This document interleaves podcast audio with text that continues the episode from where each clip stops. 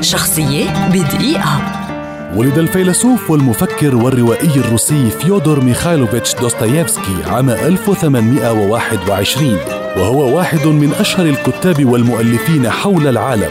تحوي رواياته فهما عميقا للنفس البشرية كما تقدم تحليلا ثاقبا للحالة السياسية والاجتماعية والروحية لروسيا في القرن التاسع عشر. بدأ الكتابة في العشرينيات من عمره. حيث نشرت روايته الأولى المساكين عام 1846 وكان بعمر الخامس والعشرين.